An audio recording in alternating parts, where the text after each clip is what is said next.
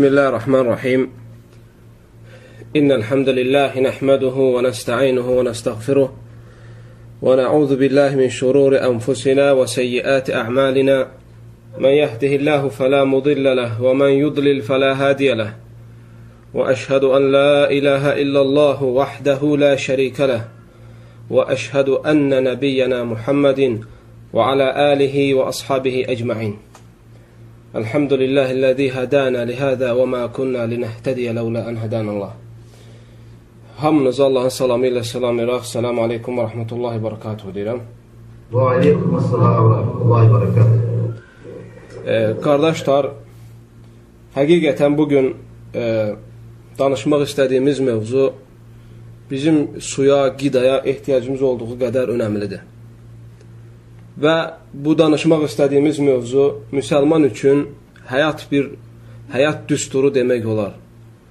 Müsəlmanın həyatında olan ən vacib məsələlərdən biridir ki, buna fikir versin. O da dostunu müsəlman necə seçməlidir? Və yaxud müsəlman kimlərlə dostluq edə bilər? Və yaxud da bir müsəlman başqasının dostudursa, hansı sifətləri daşımalıdır? Bunların hamısı eyni mənalı sözlərdir, qardaşlar. Buna kütləvi şəkildə hamımızın ehtiyacımız var. Birinci tərəfdən dostlarımızı seçmək məsələsində. İkinci tərəfdən özümüz bir adamın dostuyuqsa, necə olmalıyıq? O da önəmlidir.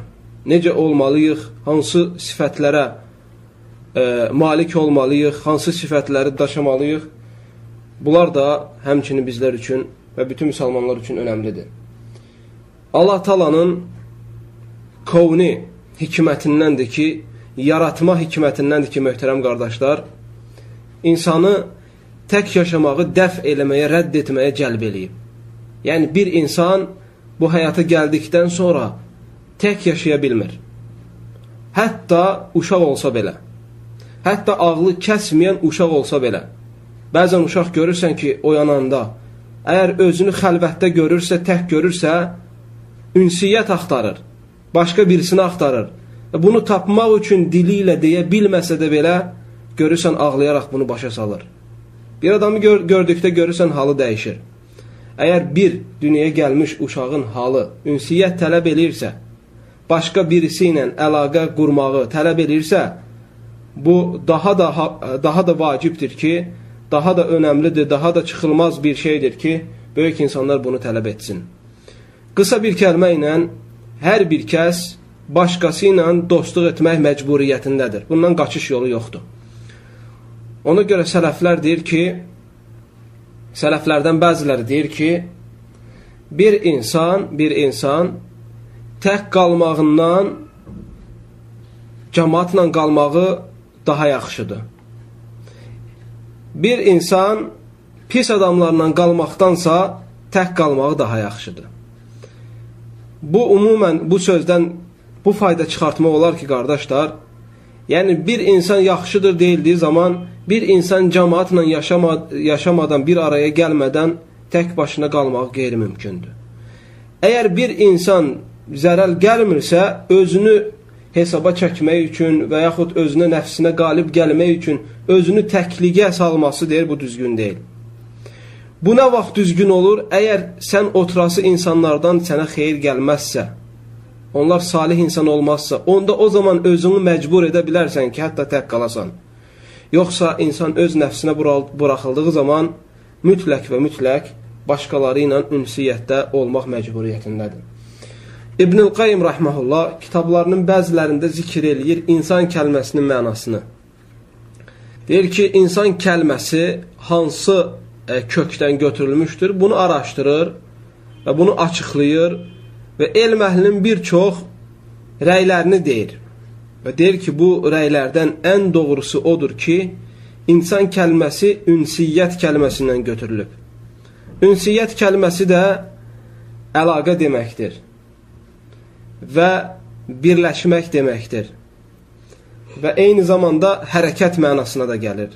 Yəni, insan fitrətdən belə deyək, məcburdur ki, başqaları ilə bərabər olsun. Necə ki, bu mənada geniş şəkildə İbn Xaldun tarix kitabında danışır və deyir ki, insanın fitrətindəndir. Allah Taala insanın fitrətinə qoyub başqası ilə oturub durmağının məcburiyyət halında olması. Bu belə olduğu halda əziz qardaşlarım, yəni biz bunu bildikdən sonra ki, biz bu dünyada tək yaşaya bilməzik. Hətta tək yaşamaq arzusuna gəlmək belə el adət içində bəzən ağlın e, nöqsanlığına, xələldə olmağını gətirib çıxarır. Siz baxın, bir insan bugün, istərsən bugündən öncəki günlərdə olsun, əgər insanlardan uzaqlaşıb gedib dağların başında, dərələrdə və s. kim yerdə tək yaşamağa qalxardısa, insanlar deyərlərdi ki, ya bu dərvişdir, ya bu adam dəlidir, ya bu adam da beyin e, qüsuru var və s. kimi. Çünki adətən insanlar onu belə görüb ki, insan insanla yaşayar. Nəinki insan qardaşlar, hətta baş başqa məxluqatlar olsa belə, hətta heyvan olsa belə, görürsən ki, tək qala bilmir. Başqasını tələb eləyir. Öz cinsindən olanı tələb eləyir sadəcə. Heç vaxt görməzsiniz ki, bir qoyun inəklə uzlaşsın və yaxud bir inək bir dəvə ilə uzlaşsın və hər kəs görürsən öz cinsini axtarır. İnsan da elədir möhtərəm qardaşlar. İnsan da adətən öz cinsini axtarır. Öz növündən olan, öz xarakterindən, onun meyli ilə, onun fəlsəfəsi ilə, onun ağlı ilə uyğun olanı axtarır daimə. Və bu fitrəti bir şey olduğuna görə bir insan həyatında bir e, həyatında bir qayda, bir qanun, bir düstur, bir yol qoymalıdır ki, Əgər bu belədirsə, mən oturub durduğum adam necə olmalıdır?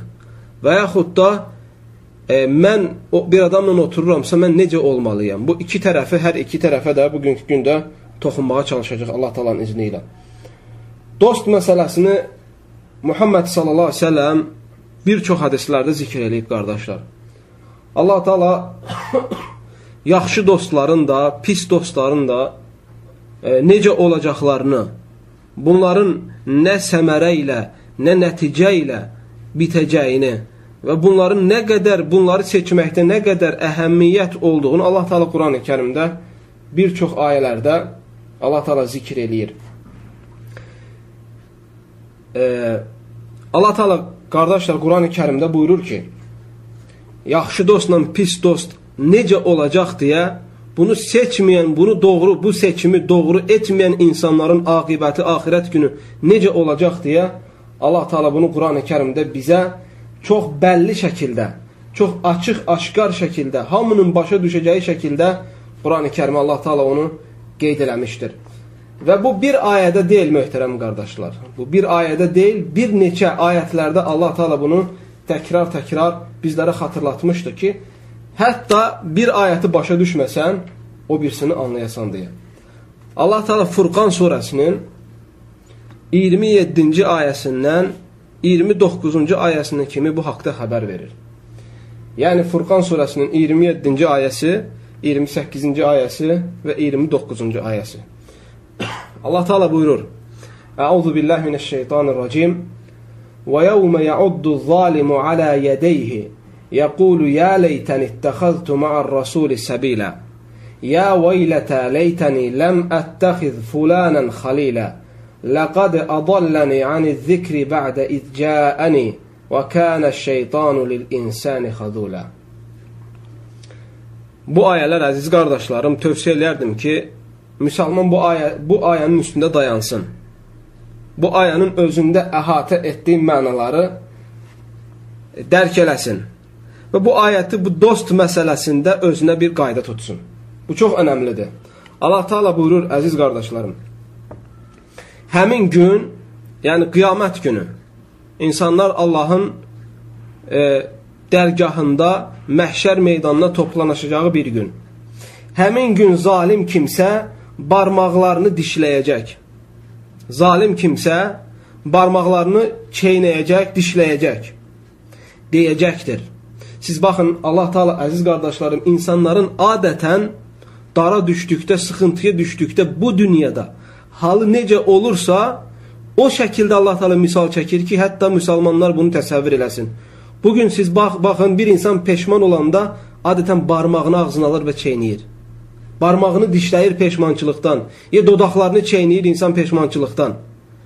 Və Allah Teala həmin insanların başa düşəcəyi şəkildə axirətdə olan e, hallarını, misalını gətirir. Allah Teala buyurur. Həmin gün zalim kimsə barmaqlarını dişləyərək deyəcəkdir.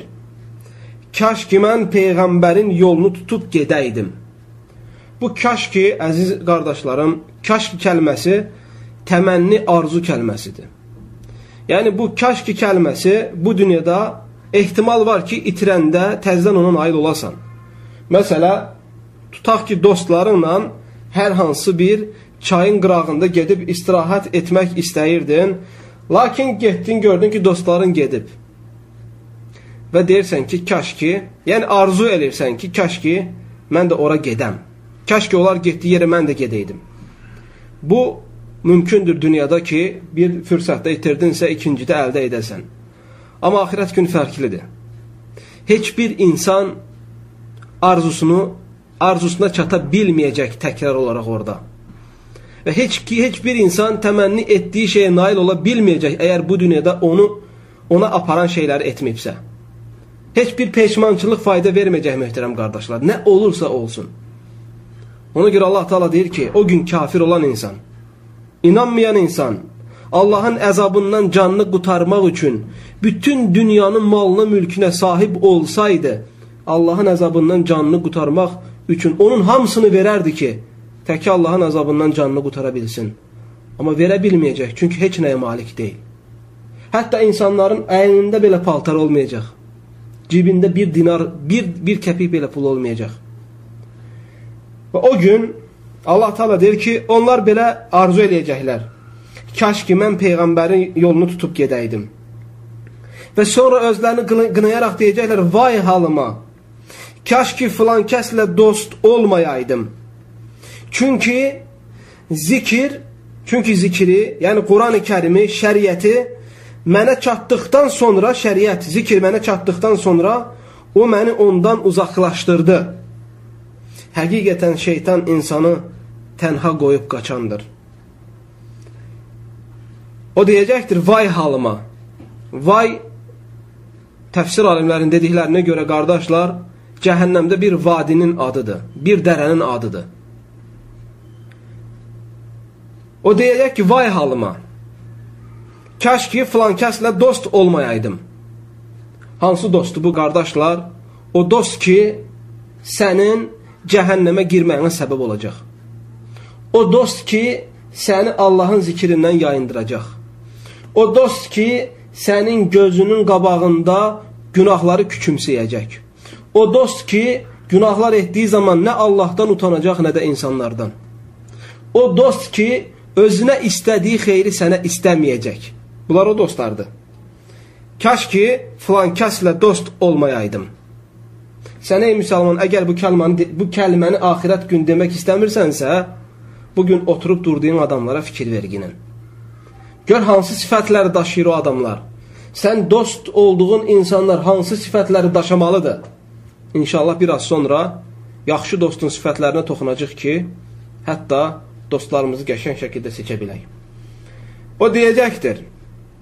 Çünki zikir, yəni haqq, şəriət, Quran-ı Kərim mənə çatdıqdan sonra o məni ondan uzaqlaşdırdı.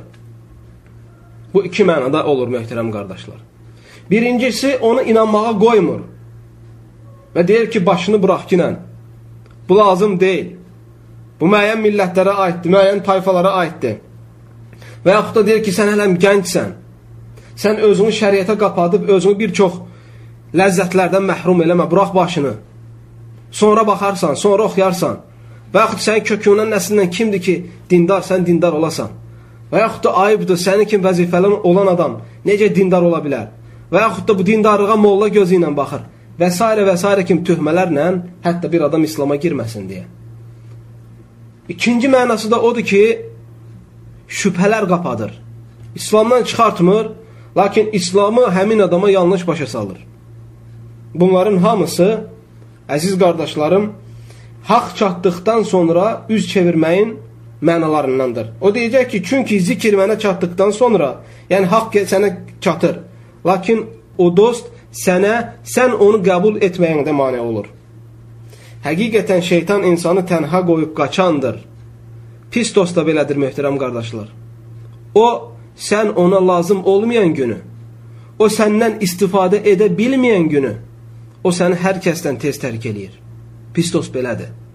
O da səni tənha qoyur və axirət gündə səni tənha qoyacaq.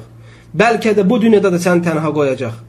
Bəlkə də pis dostla, pis, pis insanla dostluq etsən, bəlkə də bu gün, bu, bu dünyadaykən o səni tərk elədiyin zaman, hətta bu dünyadaykən peşmançılıqdan əlini çeynəyəsən ki, mən nə üçün bu adamla dostluq elirdim?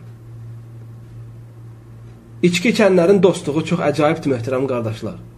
İçki süfrəsində onlar ancaq mehriban olurlar. Hətta piyan olana kimi, piyan olandan sonra görsən düşmənçilik eləyirlər hətta. Pis dostların növləri çoxdur. İnşallah onların hamısına və yaxud da bəzilərinə zaman-zaman içində toxunmağa çalışacaq inşallah. Bu ayələrin, əziz qardaşlarım, Furqan surəsinin 27, 28, 29-cu ayənin enməsinin çox mühüm bir səbəbi var.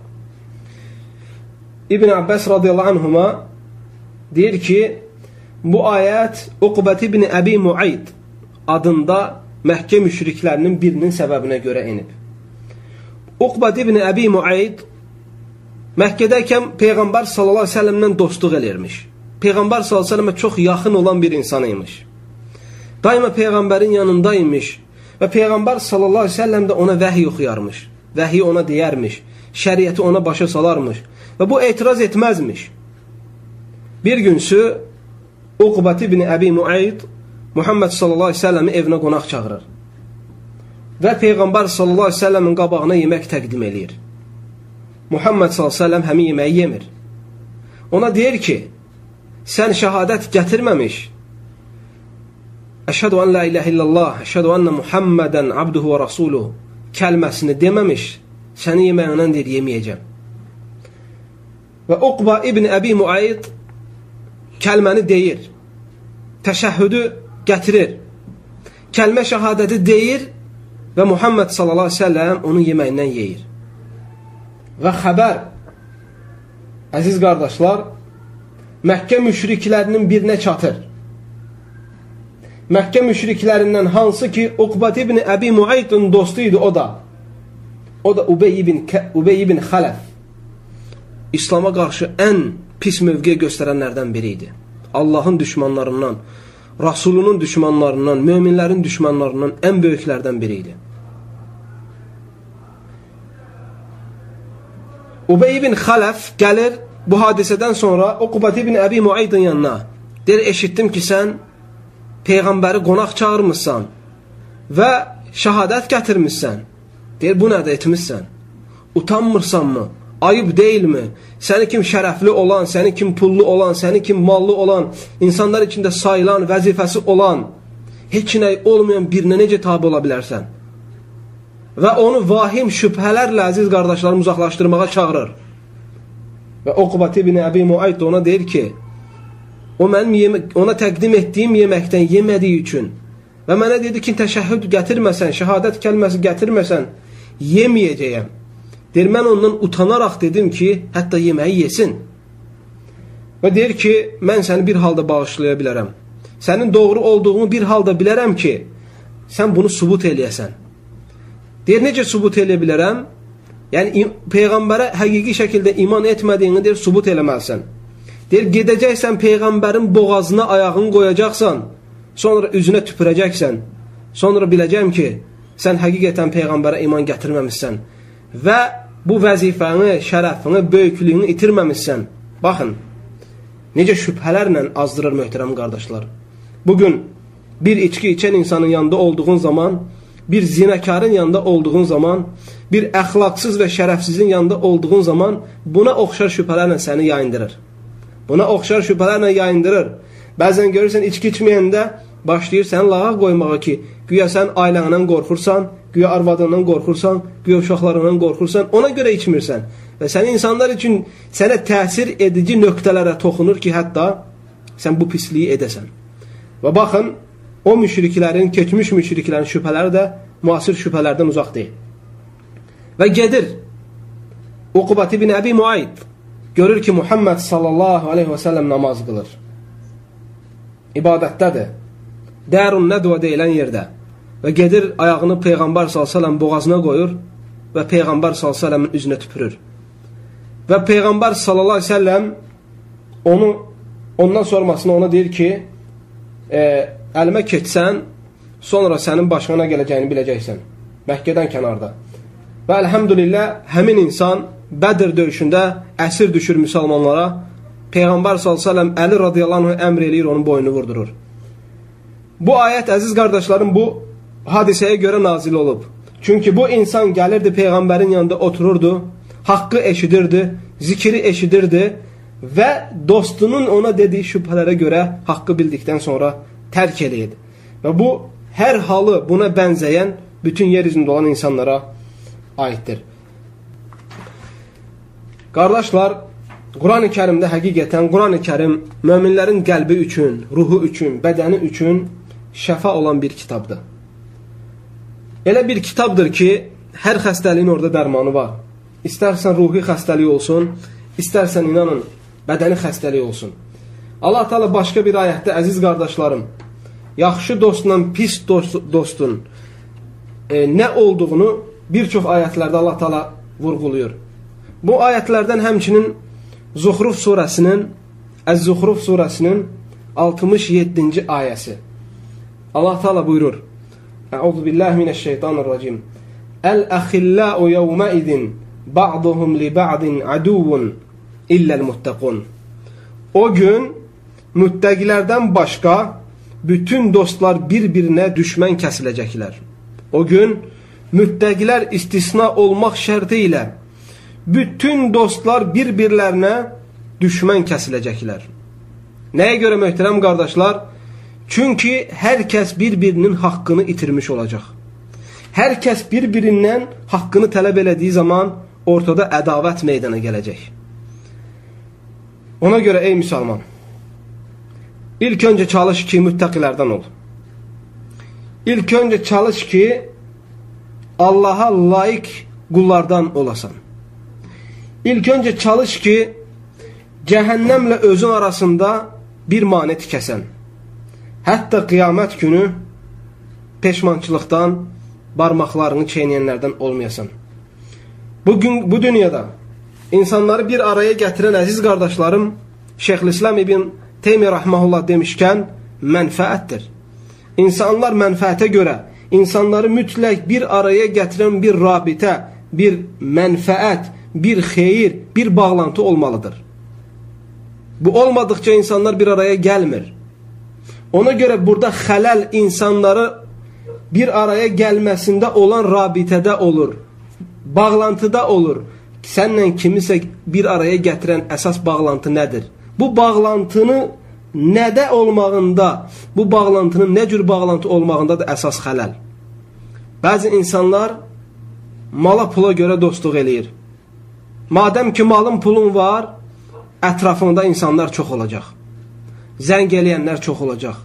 Hər hansı bir küçük, balaca, başına gələn müsibətdə sənə can yandıracaqlarını deyənlər çox olacaqlar. Sənə nə yardım etmək istədiklərini deyənlər çox olacaq. Başının üstündə əsənlər çox olacaq. Əgər pulun varsa. Bəzən insanları pul bağlayır bir-birinə. Bəzi insanları vəzifə, bir adamın vəzifəsi olduğu zaman görürsən ki, ətrafındakılar çoxdur. Nəyə görə? Hətta onun vəzifəsindən istifadə etsinlər deyə. Bəzən gücə görə, bəzən şöhrətə görə, bəzi insanların gücü var, şöhrəti var, ondan istifadə etmək üçün onun ətrafına yığılırlar. Və yığılmaqda səmimiyyətlərini göstərmək üçün girmədikləri rəng qalmır, taxmadıqları iki dırnaq arasında maska qalmır hər cür rəngə, hər cür dəriyə girirlər. Hətta subut etsinlər deyə güya ki, bunlar səmimidir. Vallahi, billahi, tallahi. Allah üçün olmayan dostluğun heç birində səmimiyyət kamil şəkildə ola bilməz. Allah üçün. Sadəcə və sadəcə Allah rızası üçün. Heç bir dünyavi bir mənfəət güm, güdmədən, heç bir mənfəət arxasında olmadan, Allah rızası üçün olunan dostluqdan başqa heç bir dostluq kamil və şamil ola bilməz. Heç bir dostluq kamil şəkildə səmimiyyət ola bilməz. Bunların hamısı məhdud və qısa olur. Baxın, tarix deyirlər, atalar deyir ki, tarix özünü qaytarır. Nə deməkdir? Tarix özünü qaytarır. Bir insan əgər tarixdə olan hadisələrdən dərs almazsa, özü ondan sonra gələn, gələn insanlar üçün tarixi bir dərs olar. Tarix onu subut eləyir ki, mənfəət üzrə Allahın rızası olmadan mənfəət üzrə yığılan, qurulan dostluqların hamısı ömrü gödək olur. Bir addım ömrü olur. Baxırsan, bir insanın malı pulu olduğu zaman ətrafında hər kəs, çox adamlar olur. O pulu, malı itirdiyi zaman, vəzifəsini itirdiyi zaman, şərəfini itirdiyi zaman, gücünü itirdiyi zaman, şöhrətini itirdiyi zaman onların heç biri onun ətrafında tapılmır. Hətta bu adam sonra onları axtarsa belə, o adamlar bu adama yaxınlıq vermir. Nəyə görə? Çünki onları cəm eləyən ortada bir rabitə var idi. İndi o rabitə, o bağlantı yoxdur ortada. Amma ortada iman olarsa insanı cəm eləyən, Allah sevgisi olarsa, din sevgisi olarsa, onda o zaman o o insanda nə qədər ki var, davam eləyəsidir möhtərəm qardaşlar. Hətta ölüb getdikdən sonra. Sadiq olan dostlar, hətta salih dostları ölüb getdikdən sonra onları unutmurlar. Hər fürsət tapdıqda qəbirlərini ziyarət edib xeyir dualarını verirlər. Və hətta hər öz ölülərini xatırladıqda əziz olan dostlarını da unutmur. Və onların da Allah qatında mənzilinin uca olmasını diləyir. Və cənazədə daima öndə olmağa çalışır. Və əlindən gəldiyi qədər Allah üçün sevdiyi qardaşın nəinki özünə, özündən sonra qoyub getdiyi nəslinə də hörmət eləməyə çalışır. Bunların hamısı Allah rızası üçün, savab üçün, cənnət üçün olduğu zaman belə olur möhtərəm qardaşlar. Mənfəət üçün deyil. Mənfəət üçün deyil. Dünya üçün deyil. Ona görə nə üçün insan bağlanırsa, onun dostluğunun gücü və onun dostluğunun e, davamı olması onun nəyindən və keyfiyyətindən və necəliyindən asılı olur. Muhammed sallallahu aleyhi ve sellem, əziz qardaşlarım, bir çox hədislərdə bu barədə zikr eləyir. Bir çox hədislərdə gəlir. Dostluğu bənzətir Muhammed sallallahu əleyhi və səlləm. Lakin ondan qabaq bir neçə ayət yenə demək istəyirəm ki, hətta bilək ki, bu nə qədər əhəmiyyətli məsələdir. Allah Teala Kəhf surəsinin 28-ci ayəsində buyurur: "Və la tuti' men aghfalna qalbahu an zikrina wattaba'a hawahu və kana amruhu furuta." Qəlbini bizi anmaqdan xəbərsiz etdiyimiz, qəlbini bizi anmaqdan, zikr etməkdən, tanımaqdan xəbərsiz etdiyimiz, nəfsinin istəklərinə uyan və işləri səmərəsiz olan bir kimsəyə itaət etməginə. O kəsin ki, Allah qəlbini möhürləyib, o kəsi ki, Allah taala o kəsi ki, Allah taala nəfsinə uyan kəslərdən edib, O kəsin ki, Allah Teala işlərini səmərəsiz edib, onların yanında oturub durma ginən. Onların yanında oturub durma ginən. Onlara itaat etmə ginən. Onların səni azdırmaq üçün atdıqları şübhəyə qulaq asma ginən. Yoxsa zərər çəkəcəksən. Allah Teala buyurur Quran-ı Kərimdə Tövbə surəsinin 119-cu ayəsində: "Ya eyyuhellezine amenuttaqullah" və kunu ma'as sadiqin. Ey iman gətirənlər, Allahdan qorxun və sadiqlərlə doğru danışan, doğru əməl edənlərlə dostluq edin. Onlarla bərabər olun. Bu sənə fayda verəcək. Şairlərdən biri deyir ki, dostunu göstər mənə, sənin kim olduğunu deyim. Çünki adətən insan öz dostunun dinində olur. Necə ki, biraz sonra sizlərə bu haqda hədislər deyəcəm. İnşallah. Ona görə möhtərəm qardaşlar, bu həyatda insan yaşamağında gərək məna olsun. Gərək həyatda insan nələrsə üçün çalışsın. Yoxsa insan hədəfsiz, qayəsiz, məqsədi olmadan yaşayarsa, insan həyatının çox tez keçdiyi və çox səmərəsiz və insan çox kədərli, kədərlə, qəmlə dolu bir zaman keçirər. Ona görə insanın xoşbəxt olmağının və bədbəxt olmağının səmərələrindən və yaxud səbəblərindən biri də insanın seçdiyi, insanın seçdiyi dostdur. Peyğəmbər sallallahu əleyhi və səlləm səhih hədisdə buyurur möhtərəm qardaşlar. Muhammed sallallahu əleyhi və səlləm səhih hədisdə buyurur. Və bu hədisi əksəriyyətiniz bilirsiniz. Bu hədis əksər müsəlmanlar bilir, lakin tətbiqatında fərq, fərqlənirlər. Peyğəmbər s.ə.v buyurur, Buxarinin Muslimin rivayət etdiyi hədisdə, Məsəlul cəlisus salih vəl cəlisis su kəməthəli sahibil miski və kiril həddəd. Peyğəmbər s.ə.v buyurur ki, misal olaraq, deyir, salih dostla, salih dostla, yaxşı dostla, pis dostun məsəli ətir satanla dəmirçinin məsəli kimidir. Bu misaldır Peyğəmbər s.ə.v-lə. Yaxşı dostla, pis dostla, e, yaxşı dostla, pis dostun məsəli ətir satanla dəmirçinin məsəli kimidir. Bir, necə olur bu möhtərəm qardaşlar? Bir insan ətir satanın dükanına girdiyi zaman üç şeydən biri olur. Üç şeydən biri. Ya həmin insan ətir satan sənə ətir sürtür. Sənə ətir, qoxu sürtür və sən bu iydən istifadə edirsən. Və yaxud da sən o satan qoxulardan birini alırsan, yenə gö gözəl qoxu səndən gəlməsinə səbəb olursan. Nə o sənə sürtməsə, nə sən ondan almasan, ən azından o dükandan gözəl bir iy hiss eləyəcəksən. Dəmirçi də elədir. Dəmirçinin yanına girdiyin zaman hamı bilir bunu ki, dəmir zavodlarında, dəmir istihsal olunan yerlərdə, dəmir ərdən, ərdilən yerlərdən ətri gəlmir. Oradan dəmir iyi gəlir. Oradan his iyi gəlir. Oradan yanıq iyi gəlir. Bu işin təhkiri deyil möhtərəm qardaşlar. Sadəcə misaldır. Dəmirçinin yanına getdiyin zaman nə olacaq? ən çox ən çox paltarını yandıra bilər. Dəmir qırıntıları, od qırıntıları üstünə düşüb paltarını yandıra bilər. Bu da zərərdir. Yandırmasa, ən azından oradan pis qoxu duyacaqsan. Və oradan səni sevindirici, rahatlandırıcı bir şey görməyəcəksən. Yaxşı dostla pis dostun məsələ budur möhtərəm qardaşlar. Hədəf burada nədir? Yaxşı dostun yanına getdiyin zaman ən azından həmin dost sənə Allaha xatırladır. Ən azından o insan sənə Allahı xatırladır, sənə nəsiyyət eləyir, sənə tövsiyə eləyir. Səndə olan eyibləri gözəl hikmətlə düzəltməyə çalışır.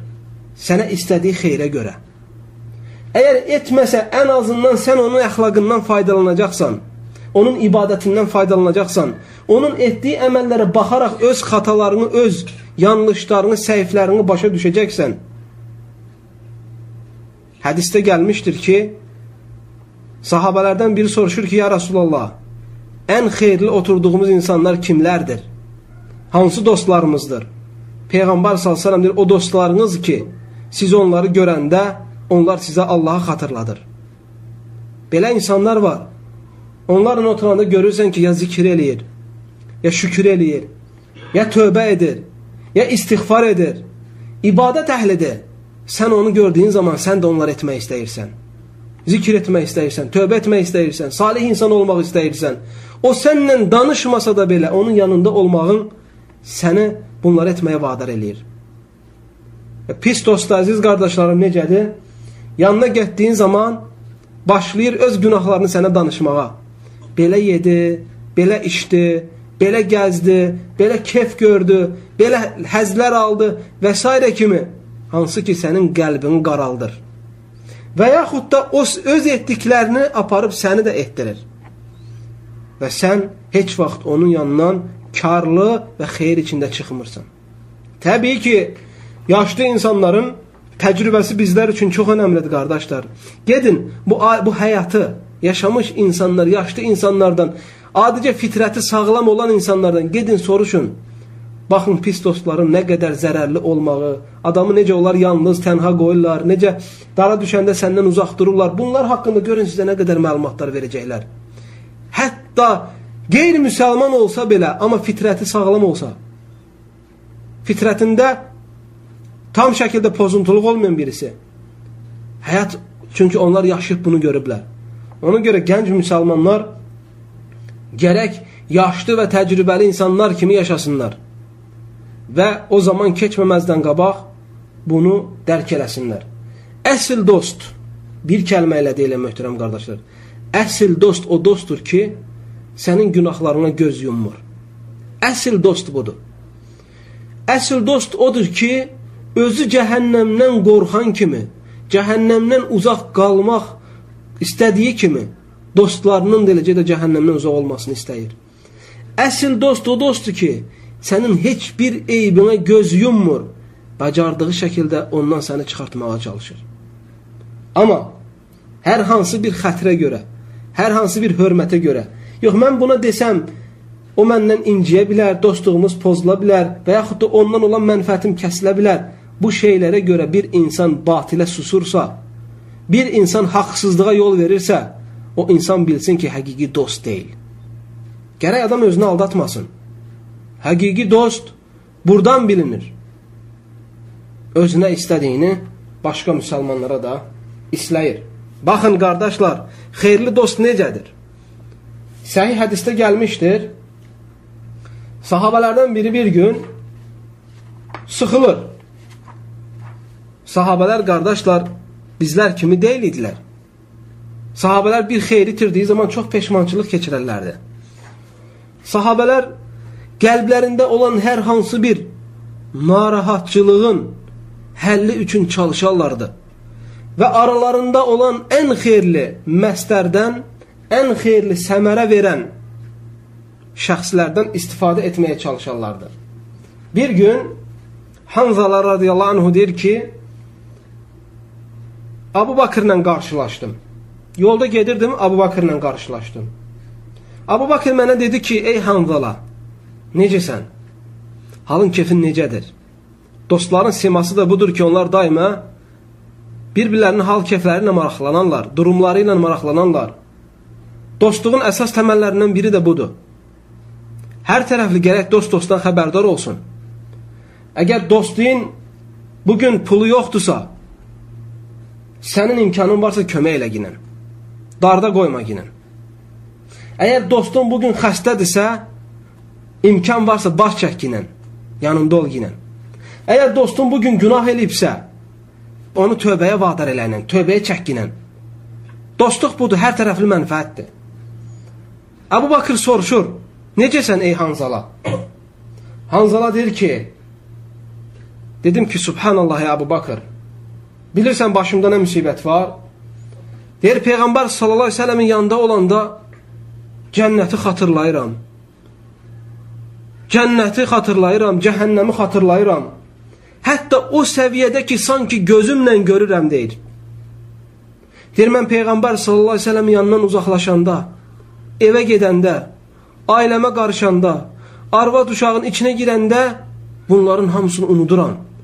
Deyir, mən elə hiss eləyirəm ki, qəlbimdə nifaq var. Elə bilirəm ki, mən münafiqam. Nəyə görə deyir, halım dəyişir?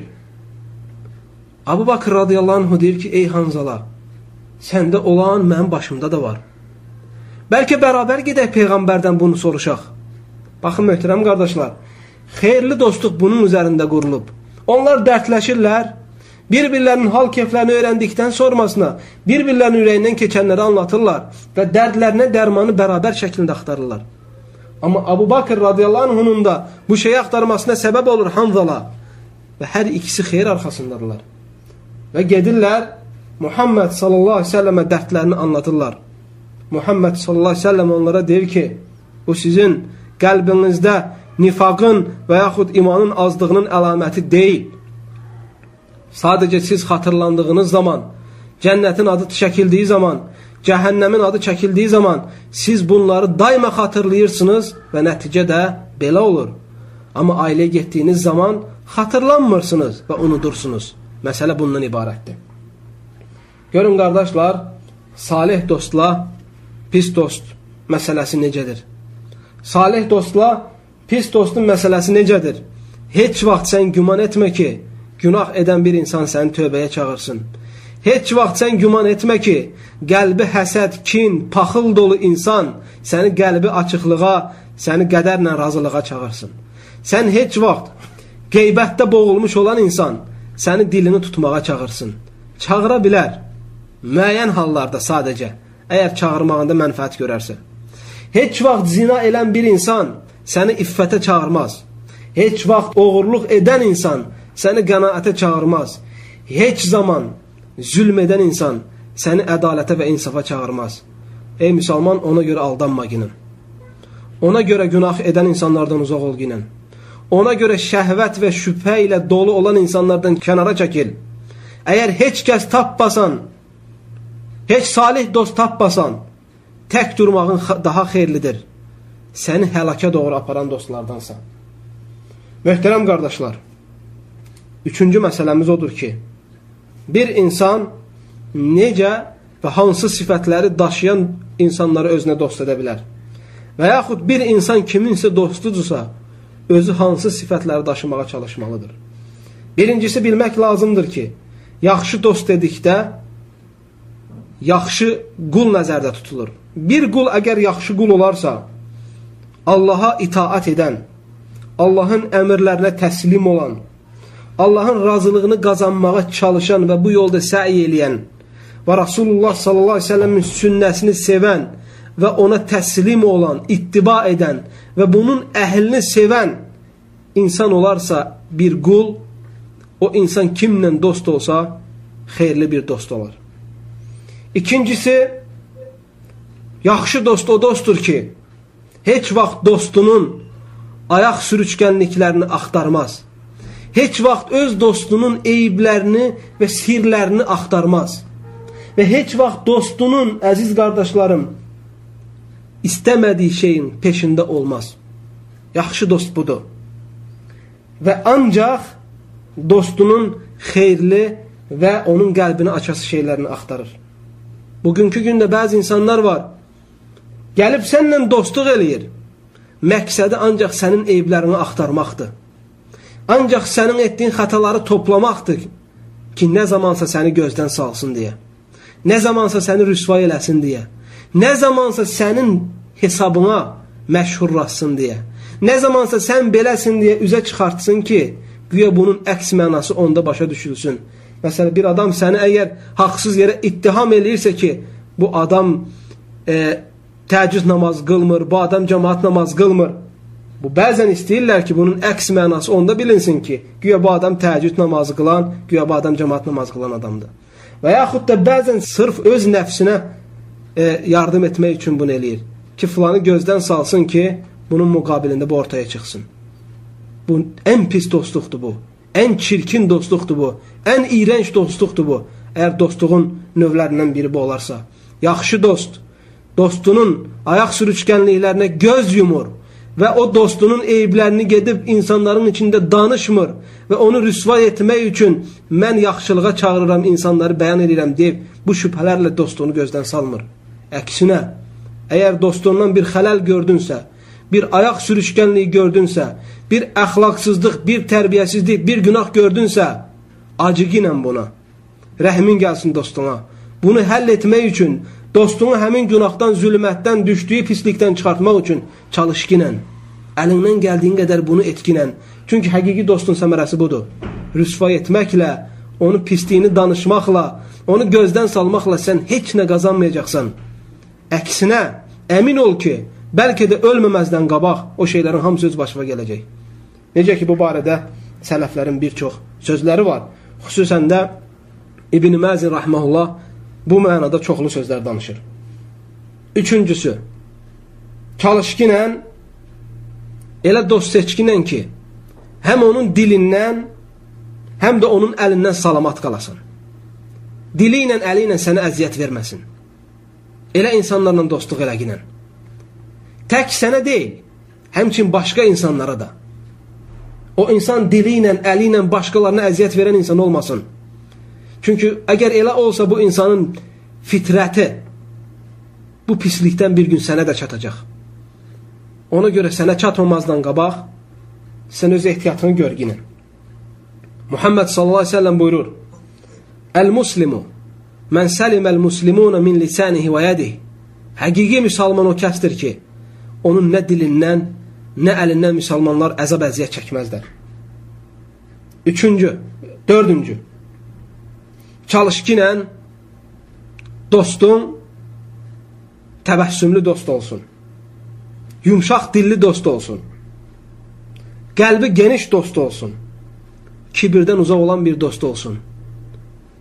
Əgər dostun daima qaşqabaq, huzursuz bir insan olarsa, daima dili pis, hər kəsə söz atan, heç kəsdən razı deyil, yanında kim zikir olunsa ona bir dənə söz atmalıdır, istihza eləməlidir, pis-pis ləqəblər qoymalıdır, qəlbi dar, kin kifir, heç kimin xeyirdə olmağını götürə bilməyən, nəsiyyəti qəbul eləyəsi qədər böyük qəlbə malik olmayan bir dostu özünə dost seçməklə.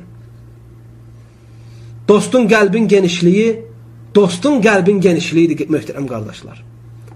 Əgər bir insanın ürəyi geniş olarsa, insanların əlində olan nemətə qarşı sevinərsə, yəni sənin bir gün əlinə nemət gəldisə, həqiqi dostun ona sevinir, qəlbi geniş olur.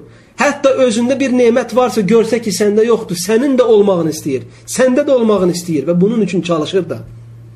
Belə geniş qəlbli dostlara ehtiyacımız var. Dostunu seçdikdə bu sifəti əldə etmiş insanlardan olmağını çalışqınən. Burada mən əminəm ki, sizin bu, bu an başınızda bir sual fırlanır ki, ay qardaşım, bu cür insanları biz hardan tapaq? Bunlar, əziz qardaşlarım, əlhəmdülillah, Muhammed s.ə.v-in ümmətindən daima xeyr əhli var və qiyamət gününə kimi də davam eləyəcək. Heç bir toplumdan, heç bir ölkədən, Heç bir cəmaatdan xeyir əhli əksik deyir, əlhəmdülillah. Sadəcə bizim üzərimizə düşən nədir? Bunu axtarmaq üçün səmimi olmaq, öz nəfslərimizi, nəfs istədiklərimizi ortaya qoymamaqdır. Əgər nəfs istəklərini, öz havanı, öz arzunu, şəhvətini qırağa qoyub, həqiqi şəkildə səmimi dost axtararsansa, bil, əmin ol, heç şək etmədən ki, Allah onu qarşına çıxardacaq. Və heç vaxt məyus olmaq ilə. Həmçinin beşincisi, Dost seçdiyin zaman elə bir dost seç ki, qəlbi salamat olsun. Həsəddən, paxıllıqdan, kindən və həmin dostun sənə nəsiyyət etməkdə paxıllıq etməsin. Evlərinə göz yummasın. Və sənin nəsiyyətini də qəbul etsin. Mütləq bu lazımdır. Həqiqi dost odur ki, həm sənə nəsiyyət edir, həm də sənin nəsiyyətini qəbul edir. Buna ehtiyacımız var. Muhammed sallallahu aleyhi ve sellem səhih hədisdə buyurur ki, Əl-mu'minu mir'atul mu'min. Mömin möminin güzgüsüdür.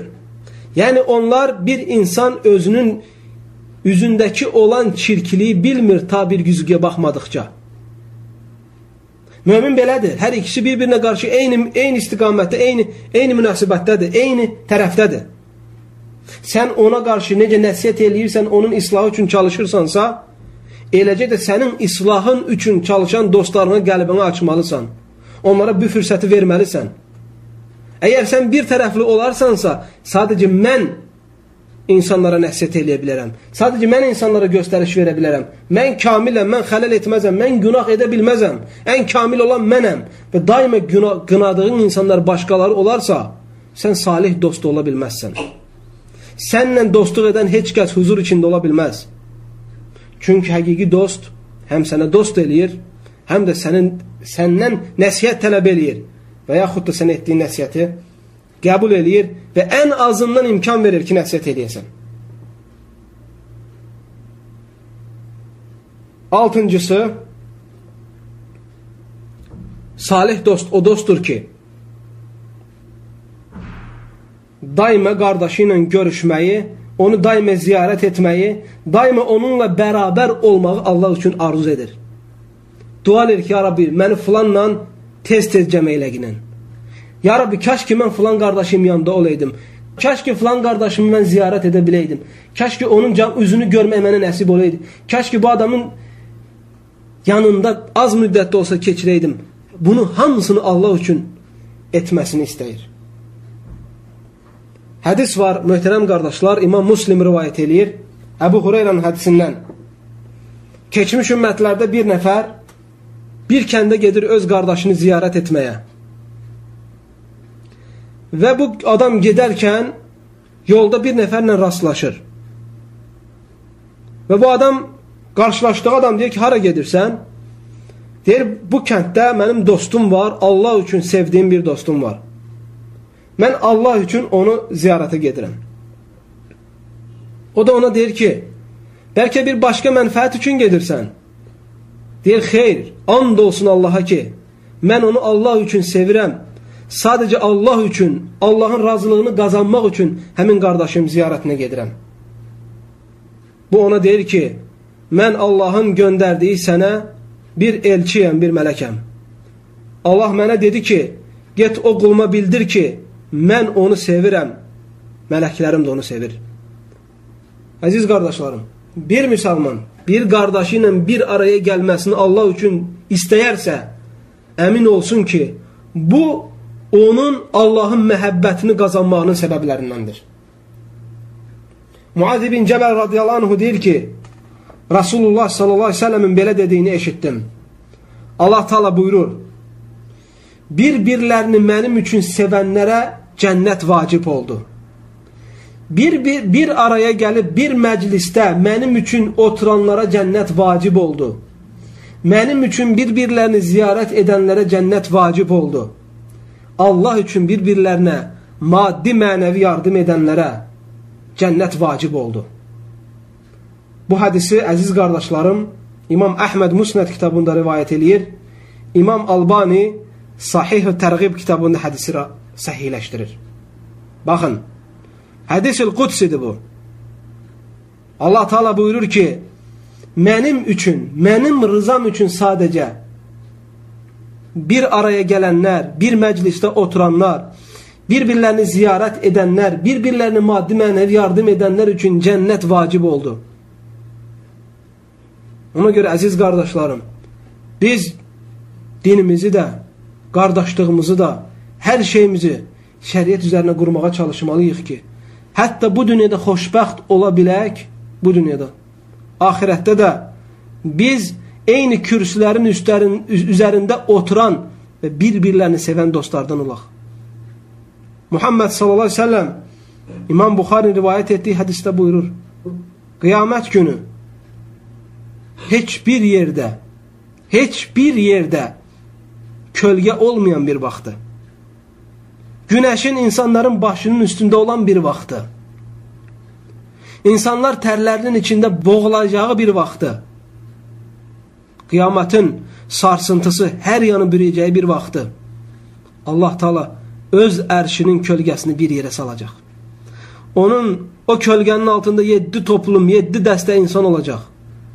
O dəstələrdən biri də bir-birlərini Allah üçün sevənlər olacaq.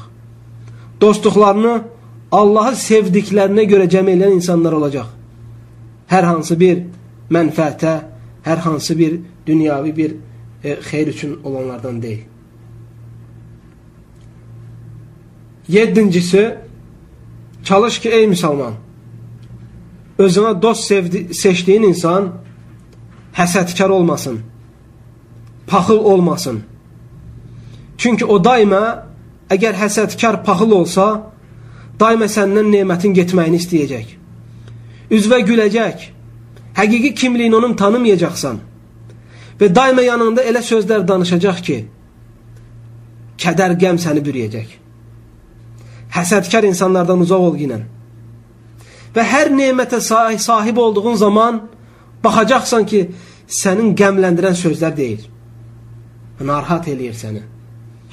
Hər başına bir müsibət gələndə üzə vurmasa da görəcəksən sevinir. Belə dostlardan uzaq ol ginən.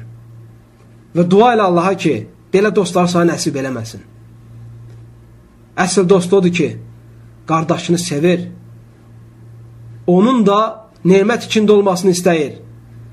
Və xeyr günündə sevinir və şər günündə də, pis günündə də dar günündə də onunla bərabər üzülür. Bir gün Ömər ibn Xattab Muhammed sallallahu aleyhi ve sellem yanına gedir. Gedir görür ki Abu Bakır da Peyğəmbər sallallahu aleyhi ve sellemin yanında oturub. Və hər ikisi də ağlayır. Abu Bakır da ağlayır. Muhammed sallallahu aleyhi ve sellem də ağlayır. Ömer ibn Xattab da kövrəlir. Deyir ki, niyə ağlayırsınız? Səbəbi mənə deyin ki, bilim nəyə görə ağlayırsınız? Deyir, əgər deməsəniz də, sizə baxıb mən də ağlayacağam. Dost budur, möhtərəm qardaşlar. Səmimi dost budur. Kədər günündə kədər çəkir. Sevinç günündə sevinir. Daima yanındadır. Yaxşılıqda da, pislikdə də.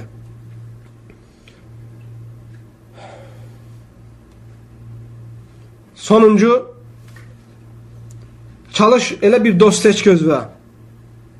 Minnətkar olmasın. Sənə etdiyi yaxşılığı iki gündə gir başva qalxmasın. Bir hörməti etdisə, onun bunun yanında sənə hörmət etdiyini dilə gətirməsin. Bu da parçalanmağın əlamətlərindəndir.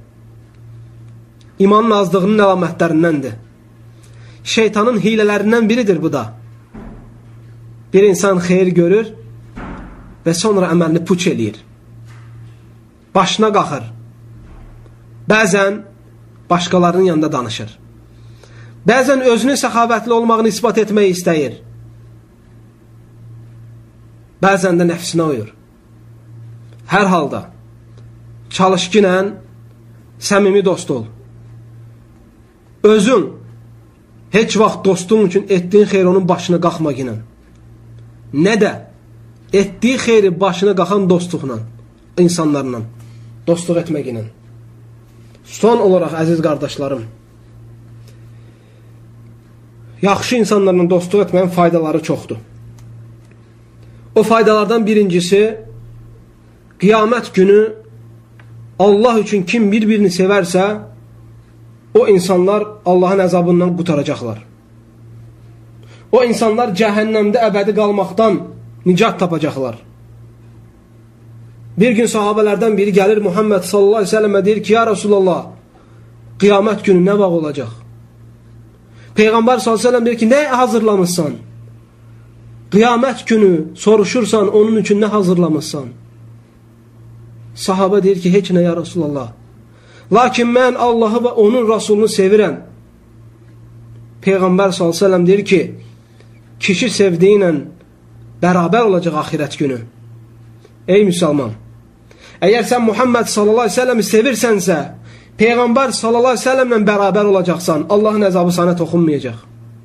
Əgər sən Əbu Bakır sevirsənsə, əgər sən Omarı sevirsənsə, əgər sən Osmanı sevirsənsə, əgər sən Əlini sevirsənsə, Muhammed sallallahu aleyhi ve sellemin sahabələrini, əhli beytini və salih insanları sevirsənsə, Allah səni onlarla həşr edəcək və onlarla olacaqsan. Onların olduğu əmin əmanlıqdan sənin də payın olacaq. Əgər sən onları qırağa qoyub da hər hansı bir Allahın dinindən uzaq olmuş birini sevərsənsə, ya müğənni olsun, ya futbol oynayan olsun, ya hər hansı bir dünyadan, axirət payından uzaq olan bir insan olsun, Allah sən onunla həşr eləyəcək. Əgər bir insan, əziz qardaşlarım, salih insanlar sevərsə, Allah onunla, on, onunla onu həşr eləyəcək.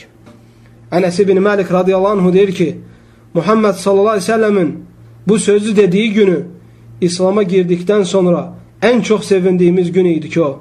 Çünkü hamımız Muhammed sallallahu aleyhi ve sellem'i sevirdik. Hamımız Ebu Bakır'ı sevirdik.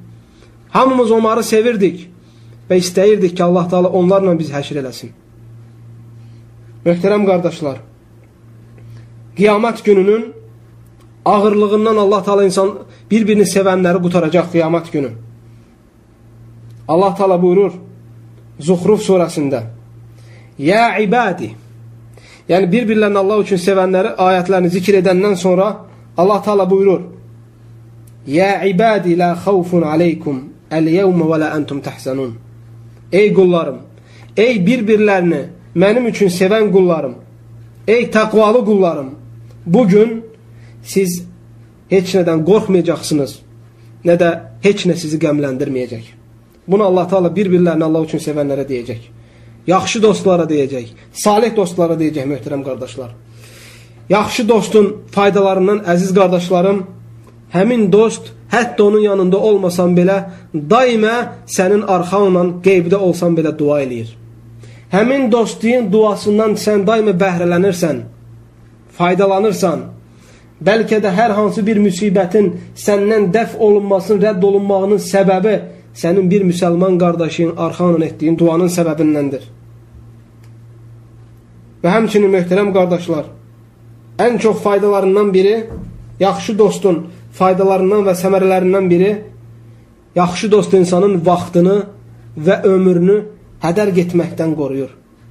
Hədər olmağından qoruyur. Həris olur ki, həm ömrün, həm vaxtın faydalı və xeyirli işlərə sərf olunsun. Və onlar geniş hallarda, varlı olduğun hallarda sənin üçün zinət, gözəllik sayılır. Dara düşdükdə isə onlar sənin üçün bir qalxan, bir mani sayılır. Yaxşı dostun, əziz qardaşlarım, faydaları çoxdur. Ən azından ondan gözəl bir fikir eşidirsən, ən azından məyusluqdan uzaq olursan, Allahın rəhmətini daima xatırlayırsan, ən azından əziz qardaşlarım, daima haqqa tərəf olmağa çalışırsan və ən azından pis adətlərdən, pis sözlərdən, pis əməllərdən çəkinirsən. Allah taldan istəyirəm ki, bizləri salih dostlardan etsin. Allah taldan diləyirəm ki, hamımıza yardım etsin. Həm salih dost seçməyə, həm də başqalarına qarşı salih dost olmağa. Allah taldan diləyirəm ki, pis dostların, pis insanların şərindən, fitnəsindən, həsədindən, paxıllığından Allah Taala bizləri qorusun və hifz eləsin. Və sallallahu və səlləm və barik ala nəbiyinə Muhammed və ala alihi və sahbihi əcmain. İxlasla.com saytı tərəfindən təqdim olundu.